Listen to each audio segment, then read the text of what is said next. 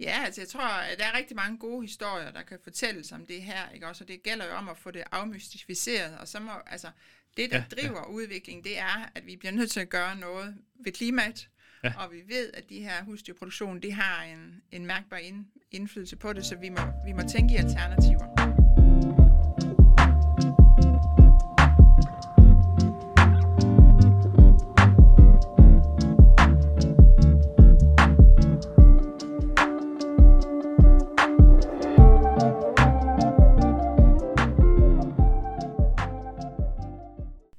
Hej og velkommen til Videnskabskanonen, din videnskabspodcast. Her skal vi tale om fødevarer, og mere specifikt de juicy animalske produkter, du finder nede i Nettos køledisk, som vi til hverdag kalder kødprodukter. Hvis du ligesom mig, elsker du en god stik med en håndfuld af pomfritter ved siden af. Men hvis du også ligesom mig, vil du finde ud af, at alt det her ikke var opstået naturligt nede i Nettos køledisk, lovet af din tilbudsavis.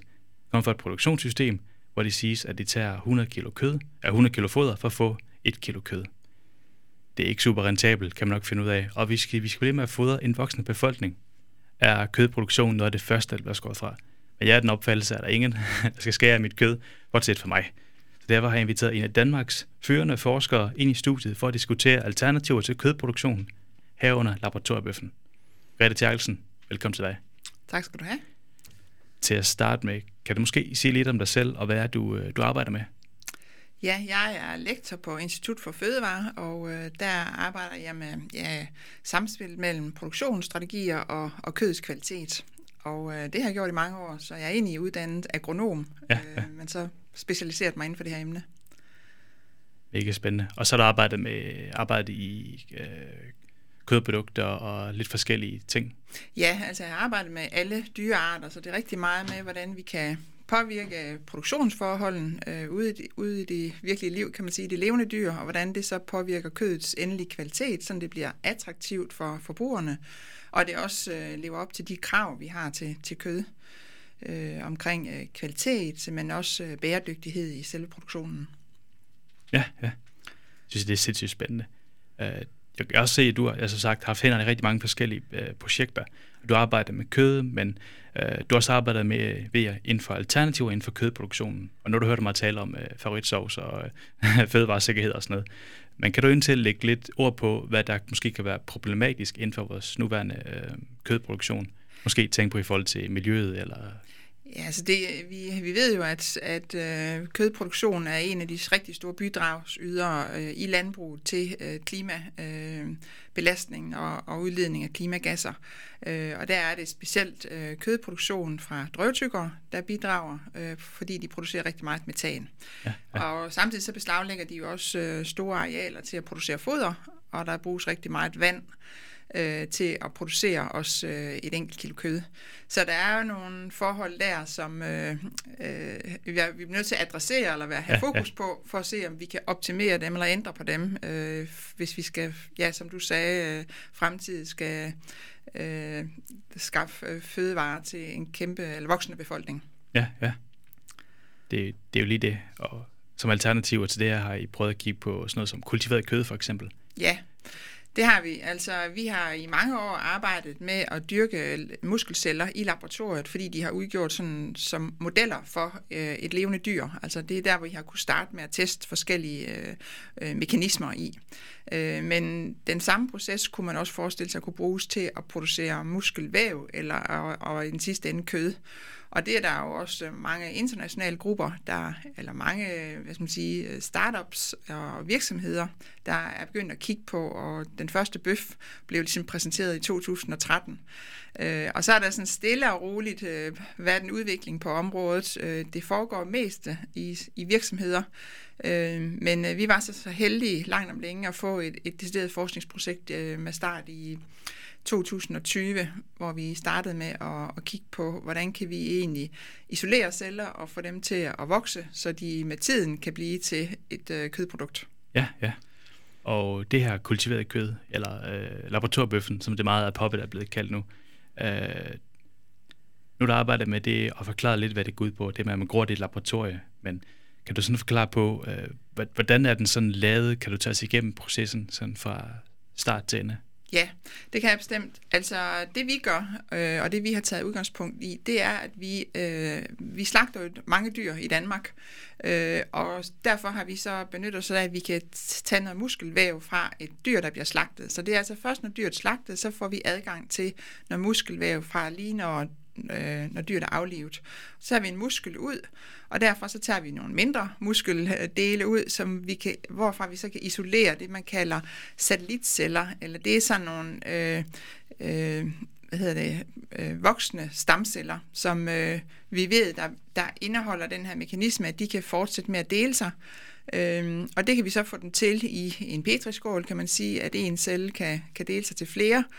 Og på et tidspunkt, så er sådan nogle øh, muskel, øh, primitive muskelceller der, de er sådan set programmeret til at lægge sig ved siden af hinanden. Mm. Øh, og så gør de det, man kalder, at de fusionerer. Øh, det vil sige, at, at flere celler smelter sammen. Og det er det, der er karakteristisk ved en muskelcelle, det er, at den indeholder flere cellekerner. Og det er jo, vi vil gerne have cellekerner, fordi det er der maskineriet for at danne protein, det ligger inde ved, det er der, vi har alt vores DNA. Så altså sådan nogle primitive øh, hvad hedder det, eller øh, voksne stamceller, eller vi kalder satellitceller, de indeholder den her mekanisme, at de deler sig, og kan ved at få det rigtige øh, medie tilsat, så vil de også fusionere og danne de her primitive muskelceller, og øh, de vil så vokse, hvis de får nogle næringsstoffer, og, og det vil så være det, vi på et tidspunkt kunne høste som kød. Mm. Øh, og vores forventning er, at det egentlig indeholder de samme proteiner, øh, som vi finder i øh, konventionelt kød. Ja, ja, som i hakkekød for eksempel. Ja, ja. Altså, det, det, det er det, vi har set indtil videre, men altså, ja, det er jo... Ja. Det er jo en meget kompliceret øh, proces, det her, så vi arbejder stadigvæk i laboratoriet øh, og arbejder egentlig i to dimensioner. Og det kan man sige, at øh, sådan nogle muskelceller øh, eller satellitceller der, for at de kan, de kan vokse, så skal de have noget at sidde fast på. Ja. Øh, og det er derfor, vi arbejder i to dimensioner øh, som udgangspunkt, fordi det, øh, det har man i en petriskål. Ja, ja. Men, men for at det skal blive til noget, så skal vi selvfølgelig op i tre dimensioner. Så der er rigtig meget forskning i også, hvad for noget, et stafeli eller sådan noget, de skal have ja, noget at sidde ja. fast på. Hvad kan man egentlig bruge der, øh, for at komme op i den tredje dimension og få noget volumen på? Ja, det får sådan en sta- stativ Ja, man kan øh, forestille sig et ligesom... stativ simpelthen, og, ja. og det er jo så sådan, at... Øh, hvis, hvis vi har de her øh, muskelfiber, der, der sidder på et eller andet stativ, så kan vi jo ikke pille dem af igen, når vi skal spise dem. Det er i hvert fald ikke det, man forventer. Så det, vi skal ligesom finde et spiseligt stativ. Ja, ja. Vi skal finde nogle ingredienser, som kan udgøre det her stativ, som kunne være en del af det endelige kødprodukt. Og ja. det, øh, ja, det forskes der i øh, i mange steder i verden. Øh, en af de udfordringer, der er, når jeg siger mange steder i verden, det er, at meget af det foregår i startup virksomheder, altså, ja, ja. og de beskytter jo deres viden. Så der er ikke så meget offentlig forskning på det endnu. Det, det, det vokser rigtig meget lige her ja, de sidste ja. to år, men det er stadigvæk sådan nyt, kan man sige. Ja, det, det er meget, meget niche, som ja. det er nu her. Ja. Øh, det er også sådan, at når I tager det ud fra petriskålen af, altså den der, som er en lille øh, plastikbeholder med noget vækstmedie i, så tager jeg det ind i en bioreaktor. Er det ikke rigtigt?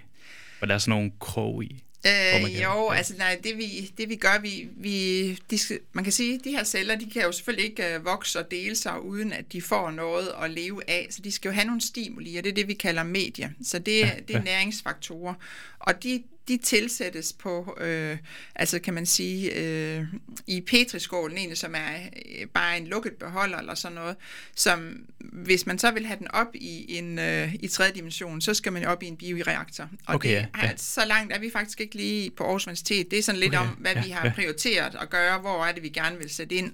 Øh, vi håber på, at det kommer vi inden for den næste års, års tid, så vil vi købe sådan en mini-bioreaktor, men, ja, ja. men det er stadigvæk i meget øh, lille skala. Ja, det er det. Øh, og det er egentlig mere for at verificere, at nogle af de resultater, vi får, de også virker, når vi har, når vi har dem i tre dimensioner, kan man sige. Ja, ja. At, at vi vil tage de næste trin.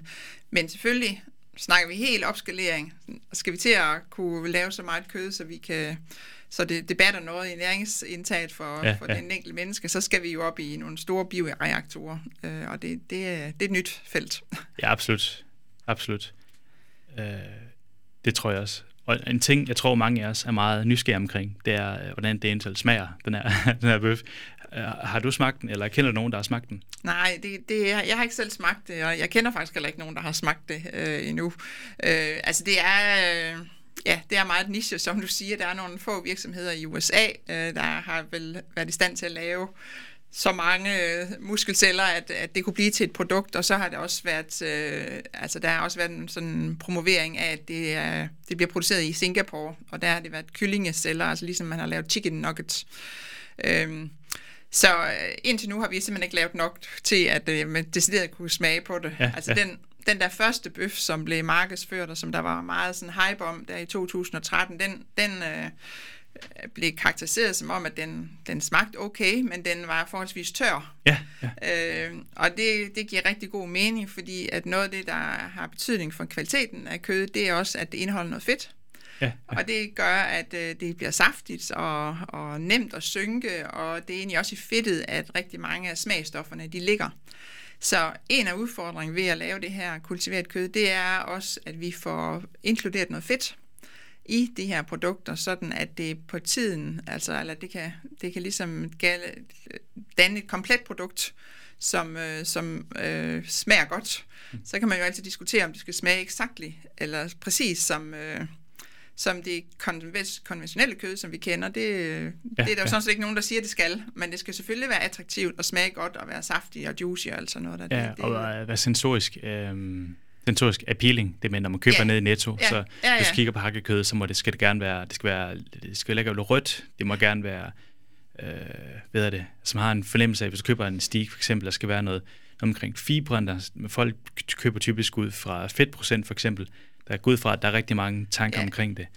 Så det er egentlig også, øh, altså man kan sige, det her med dyrkning af kultiverede celler, noget af det, det er jo startet i det her med øh, tissue engineering, altså på via i det medicinalindustrien, hvor man har prøvet at udvikle øh, erstatningsvæv til mennesker. Øh, og det er jo en den teknik, som man nu bruger her. Vi øh, fra Institut for Fødevare, vi kommer lidt med en anden tilgang. Vi er jo vi er fødevareforskere.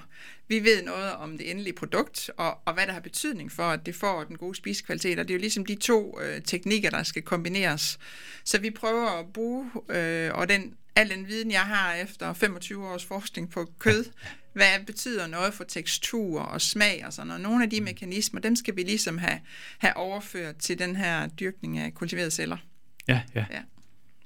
Det er enormt spændende. Øh, ved du hvor meget, altså hvis jeg skulle, hvis den lige nu blev lagt ud i, øh, lagt, øh, solgt i netto, øh, nu her for eksempel, øh, er fat nede i en kødlæsk, hvor meget tror du så, den vil koste? Nej, det, det, tør jeg, det har jeg ikke noget bud på. Altså, nej, ja, det tør jeg ikke sige. Den, du vil ikke kunne betale den. Jeg tror ikke, du købe den. ikke på SU i hvert fald. Nej, det tror jeg ikke. Jeg så i hvert fald hjemmesiden snakke om, at den kostede 10.000, men det skulle vist også være billigere nu her. Altså, man, de, de, har, de beregninger, vi har lavet, eller der er lavet, det er jo, at prisen falder. Ikke også? Men det var jo Ja, også fra noget med, jeg tror, jeg ved ikke, om det var for 200.000 for den bøf der oprindeligt, ikke også? Og så, så falder det, det skal det jo også gøre. Ja, ja. Det eneste, man skal være bevidst om, det er, at alt det her, det er jo, det er jo lavet på estimater. Der er ikke nogen, der har en egentlig produktion endnu, så derfor også alt det her med, hvordan øh, det påvirker klimaet og alt sådan noget, det er der jo ikke, fordi der er ikke noget ops, opskaleret. Så, så at give et bud på, hvad en bøf vil koste, jamen det er egentlig, det kan vi ikke rigtigt, fordi der er ikke noget, der er i fuld skala endnu. ja, ja. Det er stadig meget mystisk i det, så det kan gå, det kan gå begge veje. Ja, ja. Det er mega spændende.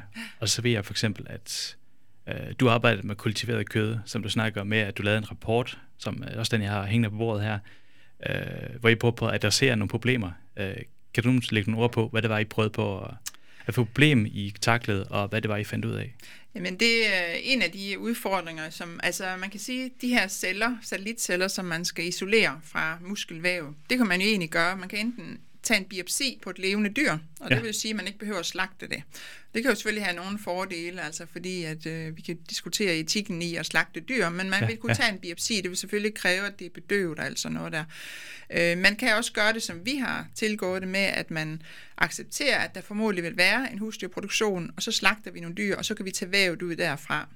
Det vi så førhen sådan ligesom har arbejdet med, det er, at vi skulle meget hurtigt skynde os at tage det der væv ud for den muskel der, og så skynde os op til laboratoriet for at bevare, at de her øh, satellitceller, de bevarer deres funktionalitet. Og, Ja, ja. Øh, men øh, faktisk så, så prøvede vi så i, i vores start på det her med, at øh, vi hentede kødet og skyndte os godt nok op til laboratoriet, øh, men så gemte vi også nogle af de prøver, vi tog ud til dagen efter, og faktisk to dage efter, og helt op til otte dage efter, og bare satte dem i sådan et vi kalder det transportmedie, altså en, en, en fysiologisk opløsning, som, som, øh, som det godt kan lide at være i, som det, det kan stå og vente i. Og så har vi så prøvet at isolere celler øh, fra de her øh, prøver, også efter to og fem og, og otte dage, og, og det viser sig faktisk, at vi kan godt isolere celler, og de har de samme øh, funktionalitet, de kan godt dele sig, øh, ja, og de udtrykker de samme proteiner eller sådan noget, og det gør ligesom, at øh, hele processen den er mindre sårbar, at, øh, at vi har noget mere tid, og man måske kan få mere ud af, af de dyr, man, øh, man slagter, fordi at man vil kunne bruge noget væv over en længere periode, kan man sige. Ja, ja. Og egentlig så var der lidt, øh, altså vi, vi så faktisk sådan nogle resultater, så det var lige før, at det var en fordel, at det fik lov at stå lidt, og det, at de, de blev bedre til at, at dele sig. Øh, og det tolker vi lidt på, at øh, man kan sige, at, at cellerne, de, øh, de bliver jo selvfølgelig stresset af at blive taget ud af deres oprindelige øh, Ja, miljø ja, ja. og puttet i det her transportmedie, men så sker der måske den her overlevelsesmekanisme, at øh, de vil øh, de, de pruk, altså indstiller sig virkelig på, at nu skal vi til at dele os for at overleve. Øh, så det er så noget det, vi kigger lidt mere videre på, men det var, Ja, ja, jeg må sige, det var, det var nogle, et resultat lidt af, af nød, men det er jo også spændende Ja, ja, i forskning, at hov, der skete lige noget her, det kan vi også bruge til noget. Hvad for et øh, dyr var det, I arbejdede med? Altså, vi har taget udgangspunkt i kvæg, Ja, ja. øh, som start i vores forskning derude, og det er jo egentlig med udgangspunkt i, at det er kvæg, der udgør den største klimabelastning. Så hvis vi skal finde et alternativ kød, så er det hovedsageligt for at erstatte øh, drøvtyggerne øh, i et vist omfang, eller erstatte oksekød, kan man sige. Øh, men vi arbejder, nu arbejder vi også med, med svineceller, øh, og prøver, og vi har en Ph.D.-studerende, der arbejder der netop med at prøve at inkludere mere fedt i kødet, så det er sådan, at man kan programmere de her satellitceller, Ja, måske ja. til at blive til noget andet. Man kan faktisk godt med, med nogle bestemte tilsætningsstoffer programmere dem til, at de skulle blive til fedtceller i stedet for. Øh, Så det er der et Ph.D.-projekt i gang med at se, om vi kan, hvad det kalder man, transdifferentiere, altså ændre de oprindelige stamceller fra, at de bliver til muskelceller, så i stedet for bliver til fedtceller. Og hvis vi kan det, så kan man, får vi dermed det her med, at vi får noget fedt ind i det kød, vi produ- producerer, og så Ja, forventer ja. vi, at vi får en, en øh, mere optimal spisekvalitet. Det er jo det. Så er man jo et sindssygt spændende. Altså så er man igen lidt mere tættere på et endeligt produkt, eller finde ud af, om det måske kan sælges i, øh, i sidste ende. Øh, hvad, hvad tænker du sådan ellers, der skal til, for at det kan blive, for, før det ender i køledisken, og øh, fødevare, øh, hedder det, øh, for supermarkederne vil sælge det, og folk vil købe det. Jamen det, altså vi ved næsten fra alle kødprodukter, og noget af det, der driver, det er jo prisen. Men det skal selvfølgelig også øh, være, og så skal der være rigtig meget formidling omkring det her produkt i forhold til Ja. at forbrugernes accept af de her produktionsmetoder. Så der er jo øh, rigtig meget der, der skal ligesom forklares, og der skal være en forståelse for, hvad er det egentlig, der sker. Altså, du øh, starter med at sige, at det er laboratoriekød, og det, det tror jeg ikke, der er ret mange, der vil spise. Ja, det er det. Øh, men der er måske andre, der vil øh, spise noget, der hedder klimakød. Det kunne man jo forestille sig. Så det er bare den der navngivning om, hvad er det, vi kalder det. Altså, øh, jeg er egentlig kødforsker, og jeg holder virkelig meget af de der drøvtykker og, og Ja, andre ja, ja, ja. dyr, så jeg forestiller mig ikke sådan, at det, øh, de bliver fuldstændig erstattet, fordi de har også nogle roller i vores øh, kulturlandskab og vores øh, generelle produktion. Ja, ja. Men øh, vi kan godt forestille sig, at altså, vi 68 procent af det oksekød, vi spiser, det er hakkekød. Det kunne vi måske godt erstatte øh, med noget kultiveret kød ja, Øh, og, øh, og så kunne vi få den der store steak en gang imellem, som var virkelig høj kvalitet fra et, et rigtigt slagtedyr, øh, hvis det er det, man vil have. Øh, så noget med altså rigtig meget information, øh, det er vigtigt at ligesom få øh, forbrugerne oplyst om, hvordan foregår den her produktion. Det er ikke, det er ikke, der er ikke noget sådan mærkeligt i det, det er egentlig et naturligt produkt. Altså vi forventer, at det indeholder de samme øh, øh, proteiner og så videre som øh, øh, konventionelt kød. Ja. Øhm, og så kan det så på et tidspunkt produceres i nogle store bioreaktorer, øh, og det, det betyder selvfølgelig, at ikke, man ikke beslaglægger så meget areal også, og, og øh, også vandforbrug.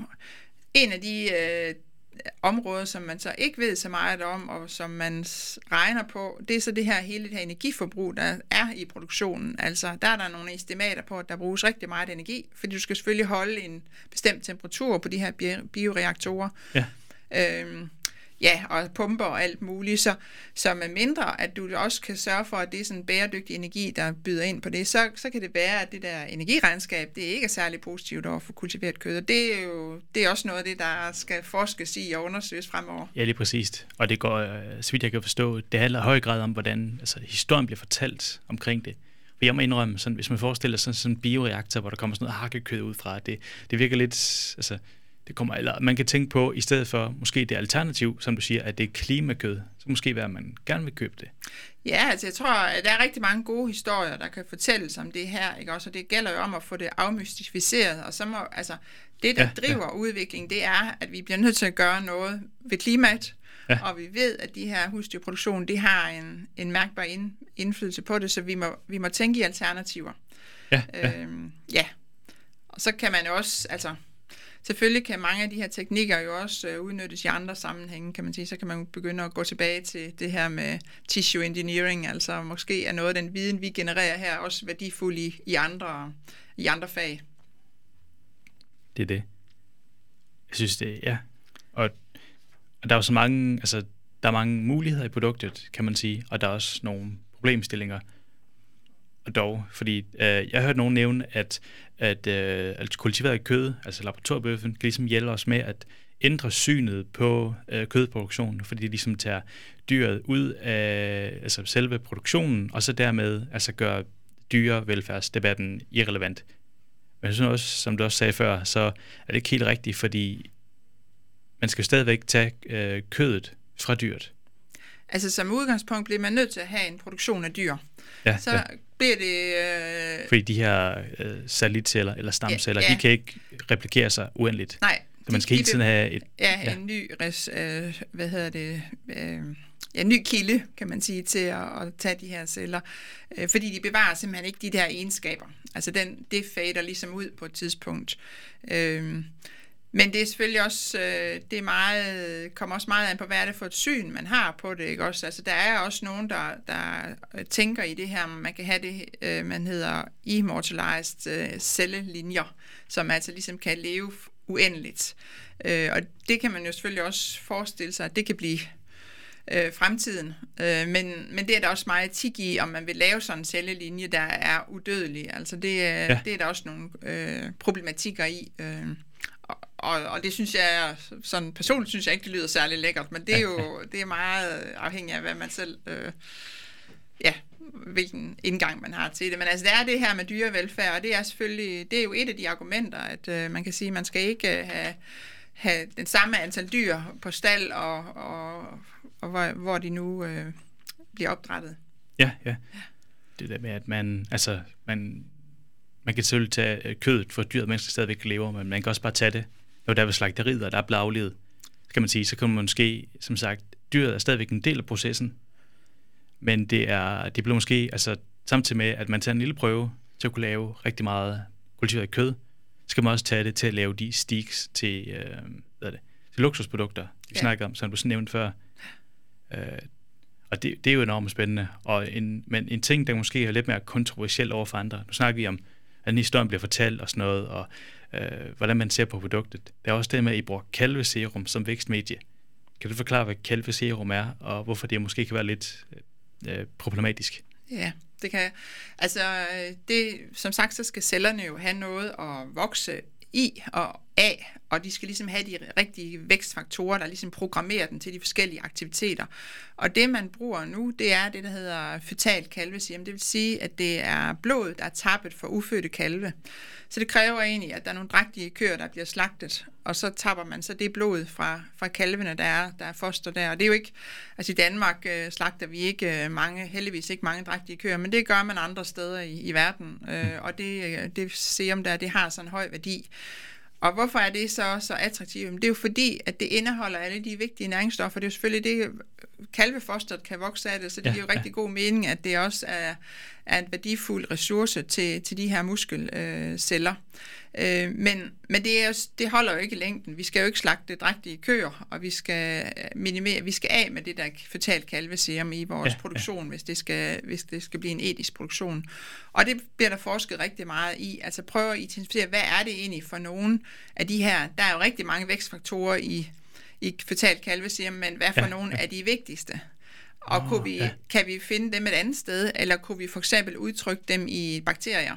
Så vi laver noget, en produktion af vækstfaktorer i bakteriekultur, som vi så kan tilsætte vores, vores celler. Og, og tilsvarende også på næringsstoffer, altså hvor der skal selvfølgelig bruges nogle aminosyre for, at de her muskelfiber, de kan vokse, og de Ja, skal bruge ja. noget fedt, og altså når de kilder til det, det, det forskes der rigtig meget i, eller, og vi, vi prøver at være kreative i vores tankegang, hvor kan vi få det fra? Altså kan man øh, forestille sig, det kan være nogle, noget ja, blågrønne alger, eller ja, andre mikroorganismer, der faktisk kan indgå som, som næringsstoffer til de her, de her øh, celler, muskelfibre. Øh, Så grønne, blågrønne alger kommer til at lave bruge som vækstmedie til kultiveret kød. ja, altså som, som en Så er der også lidt til veganerne, kan man sige. Ja, ja, ja. Altså, ja. Det, ja, det synes jeg. Og der er også nogen, der påstår, at det kan, at det kan blive sundere også. Det kan være interessant jo. Altså tænk på, at der kan være... Nu snakker vi meget om, at vi skal ikke spise mindre rødt kød, fordi der er rigtig mange af de her mættede fedtstoffer, og vi skal spise mere fisk. Men det kan også bare, at vi bare kan vi smide fisken ud af vinduet, og så kan vi tage den lækre bøf i stedet for, fordi Ja. måske gør den sundere. Tænker altså, du, det er en det er jo mulighed? helt klart, altså det er specielt for drøvtykker, så øh, når man laver kød der, så er det faktisk svært at helt styre, hvad der kommer ud i den anden ende, fordi det skal Mm. igennem vommen, vommen og der er der rigtig mange mikroorganismer, og de nedbryder jo alt foder, og så bygger de det egentlig op igen. Så der har du ikke sådan særlig meget hånd i hanke med, hvad det egentlig er, du får produceret. Ja, Ja. Jeg kan sige, når vi nu skal fodre vores muskelfiber her, så er vi jo ret, så kan vi jo styre fuldstændig, hvad vi tilsætter.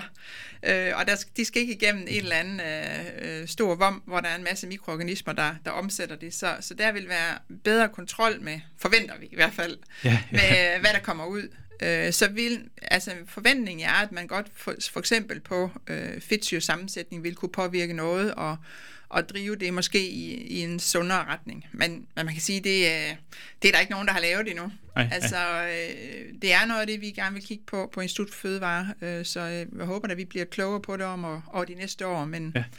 men øh, Det kan også være lidt nemmere at kontrollere i for i øh, kultiveret kød. Så ja, laboratoriebøffen. Altså det, øh, det vil være det, og så, så er det selvfølgelig øh, vigtigt, at vi får, får dannet de rigtige fedtsyre, som, som giver den karakteristiske kødsmag, kan man sige. Altså fordi det er jo Ja. det, man efterspørger. Ellers så, og så er der jo andre næringsstoffer i kød, som, som der er, altså kød er jo en god jernkilde, det er også en god proteinkilde, og der er også specifikke peptider der, som kan, kan have sådan bioaktivitet øh, i, vor, i os, som er positiv. Og det skal vi også sikre, at vi får, at det produkt, vi laver, indeholder de samme komponenter der. Ja, ja. Uh, yes, der er den grad mange muligheder. Og jeg ser den gang, uh, øh, den grad frem til, hvad det kunne blive til i fremtiden og sådan noget, og hvad, hvad, hvad, det sidste kunne blive til. Som sagt, det er stadigvæk i sit uh, babystadie, det er stadigvæk i vuggen, og det kan gå alle mulige vejen hen. Og, men ud fra hvad du, nu har du fået lidt udvikling, og du har også selv haft hænderne i det, øh, er der en fremtid for kultiveret kød? Øh, ser du, der er en dag, hvor man kan finde det ned i ens øh, supermarked, Netto i mit tilfælde? Ja, men det, det tror jeg faktisk, der er. Altså, jeg Ja. tror, der foregår så meget rundt om i verden, så jeg tror, vi får løst alle de her udfordringer, som vi ser foran os. Øhm, om, og hvor stor en, projekt, altså, hvad hedder det, markedsandel, så får det, det tør jeg ikke spå, men jeg er helt sikker på, at det kommer på, på hylderne på et tidspunkt, men der, der går, øh, Ja, ja. ja. der går mange år. Er det ikke? Det er klart, det er klart. Inden da, men altså, altså vi er jo i Aarhus Universitet, der er vi jo heldige, vi er kommet i gang med det, og vi er nogle af de eneste her i Danmark, der arbejder med det, og det er jo det er meget spændende felt at være inde i, og hele den her altså samspil mellem kvalitet og klima, og, og også øh, en, at tænke det oprindelige landbrug ind i det, altså hvor, hvor hvordan har det, den egentlig, det egentlig sin rolle i en, i en fremtid med kultiveret kød, det er også ret interessant, altså, fordi der er jo ingen tvivl om, at de, de levende dyr har også en, en opgave, hvor de kan, de kan udnytte nogle ressourcer, som måske ikke kunne køres ind i øh, kultiveret kødproduktion. Øh. Det er det. Ja. Så det her kan ligesom gøre, at vi får begge dele. Det vil jeg sige, det, ja, Ja, altså det, det, det, det er i hvert fald sådan den, øh, det jeg ser for mig, at vi, jeg tror helt sikkert, at vi, eller vi skal reducere vores husdyrproduktion, men jeg tror ikke, vi skal fuldstændig lukke den ned, fordi de har også nogle, øh, nogle opgaver, og de leverer nogle gode produkter, nogle sunde produkter, øh, og hele det her vedligehold af vores landskab og så videre. Ja, det, ja. det er også vigtigt, men øh, for som proteinressource, så kunne vi godt øh, introducere noget kultiveret kød, tænker jeg. Mega cool. Altså, jeg synes, det, det, det, det lyder mega spændende, og jeg får en i hvert fald, hvis et super øh, pris på, hvis den dag ender ned i Nettos kølelæsk. Jeg var den første til at købe det. Jeg vil sige, det er et mega spændende produkt, og et super fedt emne. Jeg ser frem til, ser frem til at se, hvad fremtiden byder. Du skal have mange tak, fordi du kom forbi og gør os klogere på det her emne. Tak for, at jeg må være med. Det var så lidt.